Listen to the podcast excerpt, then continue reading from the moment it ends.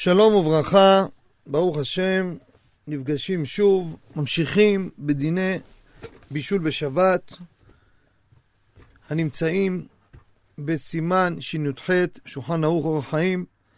אנחנו נמצאים בס... בסעיף ט' בשולחן ערוך. נגענו בשיעור הקודם לגבי מלח, לגבי בשר, להניחו בכלי ראשון שהוא שם מעל האש, דברים שהם קשים לבישול, לוקח להם זמן להתבשל. ואמרנו בסוף שניגע היום בדין גוש. ואנחנו נסביר בעזרת השם כעת, נעסוק היום בנושא גוש. מה זה גוש? כידוע, להזכיר, כלי ראשון מבשל. מה זה כלי ראשון? סיר שמונח על האש, הוא נקרא כלי ראשון. המרחב החשמלי שמחובר לחשמל, המים רותחים בו, זה כלי ראשון. וכן על זה הדרך, מה שמונח על הפלטה הוא כלי ראשון. כל אלו נקראים כלי ראשון. כשהתכולה שבתוך הכלי ראשון עוברת לכלי אחר, זה כבר נקרא כלי שני. כיוון שכלי שני, דופנות הכלי, מקררות את מה שבתוכו, לכן כלי שני לא מבשל. התכולה הזו, נכון שהיא רותחת, אבל אם מישהו יניח בה דבר לא מבושל, היא, התכולה הזו, לא תבשל אותו. מדוע? כי כלי שני לא מבשל. הוא נמצא כעת, ככה לסבר את האוזן, הוא נמצא באפקט הרתחה בירידה, לא בעלייה. כיוון שדופנות הכלי שהוא מונח בו הן קרות, הן נותנות בו מכת קור, אז הן מתחילות להוביל אותו לכיוון השני, ושהחום במגמת ירידה הוא לא מבשל. חוץ מדבר קלי הבישול, דברים קלים שהם מתבשלים מהר בקלות, נגענו בזה בעבר, זה כבר למעלה נקרא קלי הבישול, גם כלי שני מבשל, זה בקצרה. עכשיו יש לדון מה קורה אם יש בכלי השני לא דבר נוזלי, אלא דבר יבש גושי. מה זה יבש? יבש זה לא דווקא יבש. גם רטוב זה נקרא, אבל לא הנושא שלנו עכשיו יבש. כל דבר שהוא גוש. דבר שהוא גוש, כידוע, החום הוא עצור בתוכו. החום הוא נמצא בתוך הדבר הגושי, בתוך הדבר הגוש הזה. כיוון שהחום שבא מכלי ראשון נשאר שמור, כי הדופן לא מכה פנימה, היה מקום לומר שזה נקרא דינו נשאר ככלי ראשון. ואם מישהו יניח בו עליו דבר לא מבושל, הוא עובר על בישול בשבת, אף שזה כלי שני, אבל דינו ככלי ראשון. וכך כותב הרש"ל, חוכמת שלמה, מביא אותו השח, יורד דעה סימן צדיק ד', סעיף קטן ל', הזבחי צדק, יורד דעה צדיק ד', סעיף קטן נ', המשנה ברורה סעיף קטן ס"ה, על פי המגן אברהם סעיף קטן מ"ה.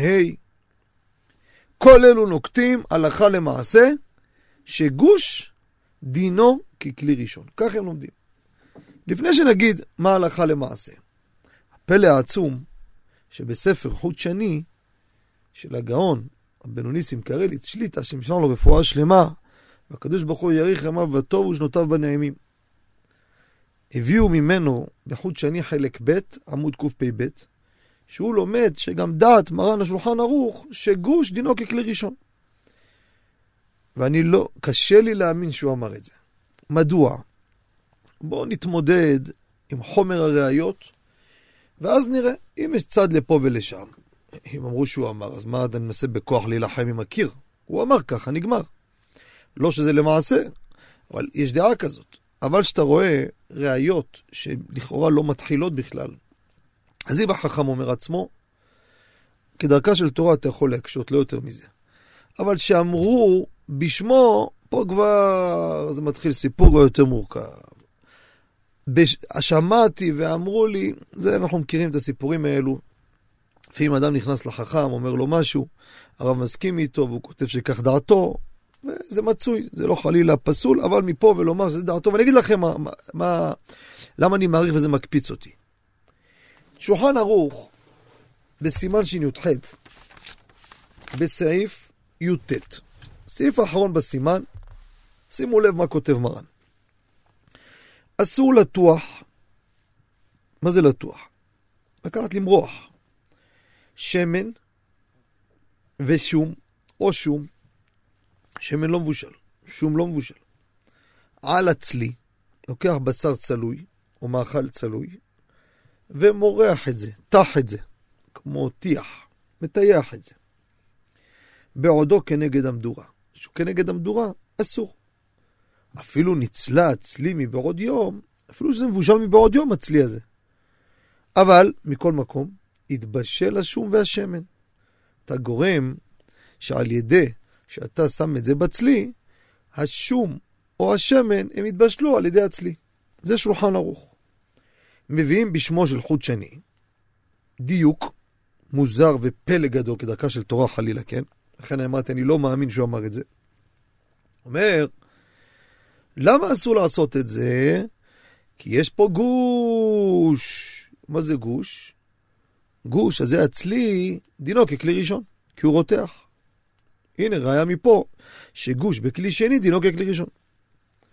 מי שקורא שולחן ערוך, ממש פלא עצום לומר דבר כזה. מדוע? הרי מה מרן דיבר? הוא לוקח, מורח אותו על הצלי, בעודו כנגד המדורה. זו הסיבה שאסור למרוח עליו. למה? כי הוא כנגד, ליד המדורה, ליד האש. והאש תבשל את השמן והשום, זה ברור שזה אסור. לא מצד חום הצלי שהוא מבשל אותו, לא, המדורה היא מבשלת אותו. מדגיש אפילו שהוא עצמו מבושל, הצלי הזה, מבעוד יום. כן, אבל לא, הוא מבשל, האש מבשלת. כך פשוט וברור. וגם כן, לא צריך לזה ראייה, אבל גם נוחה תאווה חלק ב' עמוד של ל"ו, ככה גם כן הוא למד. אמנם, יגידו לי כולם, מה אתה מקשה קושיות? אמנם, תורי זהב והמגן אברהם כותבים במקום, מה שכתוב כנגד המדורה זה לאו דווקא. או אם זה לאו דווקא, אז אם ככה, ראיה חזקה. אם לא כנגד המדורה, ממה הוא מתבשל? מהגוש, הנה הגוש, כלי ראשון. לכאורה קושייה. כל זה, לדעת התורי זהב והמגן אברהם, שגוש מבשל. לכן אמרו, תדע לך, הלכה זה לאו דווקא. אבל מי שחולק על זה, אז זה בדווקא. דווקא כנגד האש אסור. ואם כן, לדעת מרן השולחן ערוך, דווקא שהוא כנגד האש. ככה מרן כותב, כנגד האש, למה תגיד לאו דווקא? נמצא, אתה לא יכול ללמוד את זה במרן, זה לא מובן. אתה יכול להגיד, מגן אברהם, תורי זהב, זה אין לי ספק, פשוט. לכן אשכנזים באמת נזהרים בגוש שדינו ככלי ראשון. אבל הספרדים, ודאי שלא. ולכן, הלכה למעשה, הלכה למעשה, מי שיראה, גם הדרכי משה יורד דעה ק"ה. ועוד, לא נעריך את כל השיטות כרגע, גוש בכלי שני אינו מבשל. דרך אגב, דבר מעניין, אור לציון, רבי בן ציון אבא שאול, חלק ב' עמוד רל"ט. גם הרב משאש, מזרח שמש, סימן ק"ה, דף פ"ב, מרן הרב עובדיה בכמה מקומות, גם נוקטים ככה. אבל האור לציון מביא שני דרכים שם, והוא לומד בדעת הרמב"ם בדרך שנייה, שגוש מבשל בכלי שני.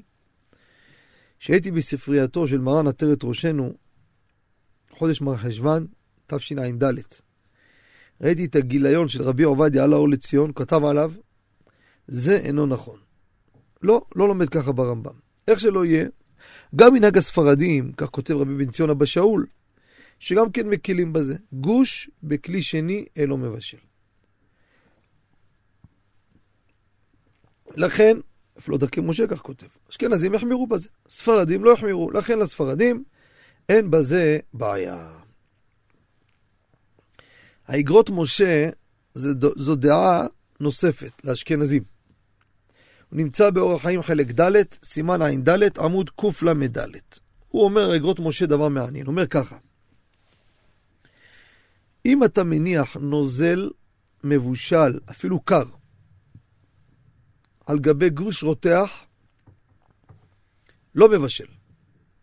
למה? הרי גוש בכלי שני אפילו, דינו ככלי ראשון. אומר, אני לא יכול להחמיר שתי חומרות, גם גוש וגם בישול אחר בישול בדבר לך. לא. מקרה כזה, אומר אגרות משה, שתי חומרות אני לא מחמיר, מקרה כזה הוא לא יבשל. אבל אם תשים מים מהברז, יש פה חומרה אחת של גוש, לדעתו זה יבשל. אמת שבכל סיני עמוד 263 נקט לשון המקל שלו מלסמוך, אבל משנה אחרונה עיקר, חזון עובדיה שהזכרנו שבת ד' עמוד שס"ז, זה נכתב עשרות שנים לאחר כל סיני, בדעתו של מרן רבי עובדיה, מותר הדבר בשופי, ולכן מי שמפרסם לספרדים גוש להחמיר, כדרכה של תורה אני אומר, הדברים אינם מדויקים ונכונים, אלא לספרדים גוש נשאר, גוש בכלי שני, נשאר ככלי שני, כלי שני אינו מבשל, חוץ מדבר שהוא קלי הבישול. מה גודל הגוש של האשכנזים? זה נקרא גוש. מה, מה הגודל שלו? 10 סנטימטר, 5 סנטימטר? כותב השח, שפתי כהן יורד דעה ק"ה סביב קטן ח', גם חוט שני חלק ב' עמוד קפ"ג. כל חתיכת מאכל, אפילו אורז וקטניות, זה נקרא גוש. כמה אורז? גרגיר אחד? ובאורז יש הרבה יחידות מדובקות יחד, זה נקרא גוש. כמה יחידים אינם גוש. כמה יחידים מדובקים, יש הרבה גרגירים מדובקים, אז זה נקרא גוש. אבל אם זה רק כמה יחידים, זה לא נקרא גוש, צריך שיהיה משהו גושי. הרב אלישיב באשרי שמוד צדיק א' נוקט דייס השמיכה מאוד דינה כגוש, גם זה נקרא גוש. אלו שמחמירים בגוש בכלי שני נחשב ככלי ראשון, אבל הכלי שהגוש מונח בו, אפילו שהוא נהיה רותח, אין דינו ככלי ראשון. שמתם לב? כך אומר חודשני חלק ב' עמוד קפ"ג. קרתי תפוח אדמה מהחמין.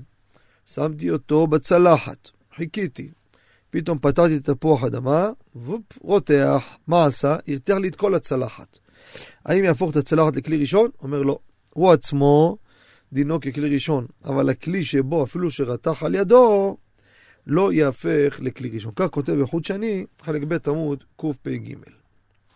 להדגיש, אומר שמיעת שבת כהלכתה, פרק א', סעיף ס"ד, גם חוט שני, חלק ב' עמוד קפ"ג, הם נוקטים גוש, רותח, דינו ככלי ראשון, אפילו שהעבירו אותו לכלי שלישי ורביעי. למה? החום, החום עצור בתוכו, וזה לא משנה כמה כלים הוא עבר. הרב אלישיב, הוא חולק, זה כל זה לאשכנזים.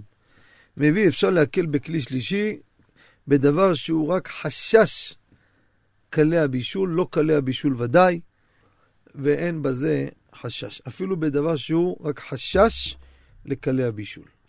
כלי שלישי לדעתו, הוא לא יהיה בגוש ככלי ראשון.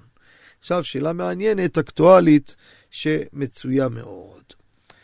שבת עשו קידוש. חתכו אצל אחינו האשכנזים, היום גם אצל אחינו הספרדים זה מצוי. המאזין שומע, אומר, מה קרה לו זה? אומר, אחינו אשכנזים, אחינו הספרדים. אז מה אני? לא זה ולא זה, מה אני?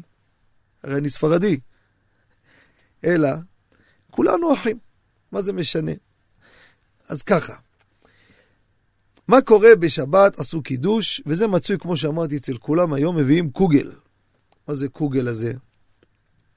זה תבשיל, לוקחים מקרונים, מבשלים אותם, מערבבים אותם עם סוכר, עם סוכר חום, פלפל שחור, ועוד, אני לא יודע את כל ההרכב, ושמים אותם בסיר, אחרי זה כאילו מכניסים אותו לתנור, נהפך לך ליציקה. אתה לוקח אותו, נהיה גוש ממש, לוקחים וחותכים אותם משולשים כמו פיצות, מביאים אותם לציבור, אוכלים את זה, זה עם קצת חריף, זה אין פלפל שחור, ושובר אותו מלפפון חמוץ, זה עונג שבת למי שאוהב את זה. עכשיו, מה קורה? הביאו לי קוגל, הנה בצלחת, הרי הקוגל הזה הוא גוש, ברור, עבה. גוש, אמרנו בכלי שני, דינו ככלי ראשון. האם צריך להיזהר שם מלפפון חמוץ, לא ייגע בו, כי הוא יתבשל מלפפון חמוץ על ידי זה. למי שמחמיר בגוש, האם צריך להיזהר ממלפפון חמוץ שלא ייגע בו? שמלפפון חמוץ הוא לא מבושל, הוא כבוש. נכון שכבוש כן מבושל, אבל לא מבושל לגמרי. אסור לשים על הפלטה מלפפון חמוץ. זה נושא מעניין. אנחנו ניגע בו בעזרת השם. סליחה שאני מגרה אתכם. שיעור הבא. שיעור הבא בעזרת השם. אנחנו ניגע, ממשיכים את הנושא הזה של גוש. צריכים גם כן להמשיך ולדבר על להניח חמאה או מרגרינה על תפוח אדמה רותח, כמובן חלילה וחס לא בשרי, או בשרי להניח מרגרינה, איך מתייחסים לזה? גוש, לא גוש, האם החמאה מרגרינה זה נקרא מבושל, לא מבושל, זה יבש, לח. כל הדברים האלו מרצה השם בשיעור הבא, שיהיה לכולכם יום טוב ומבורך, הצלחה בכל מילי דמיטב. חזקו ואמץ לברכי כל המאחלים לאדוני, שלום שלום וכל טוב.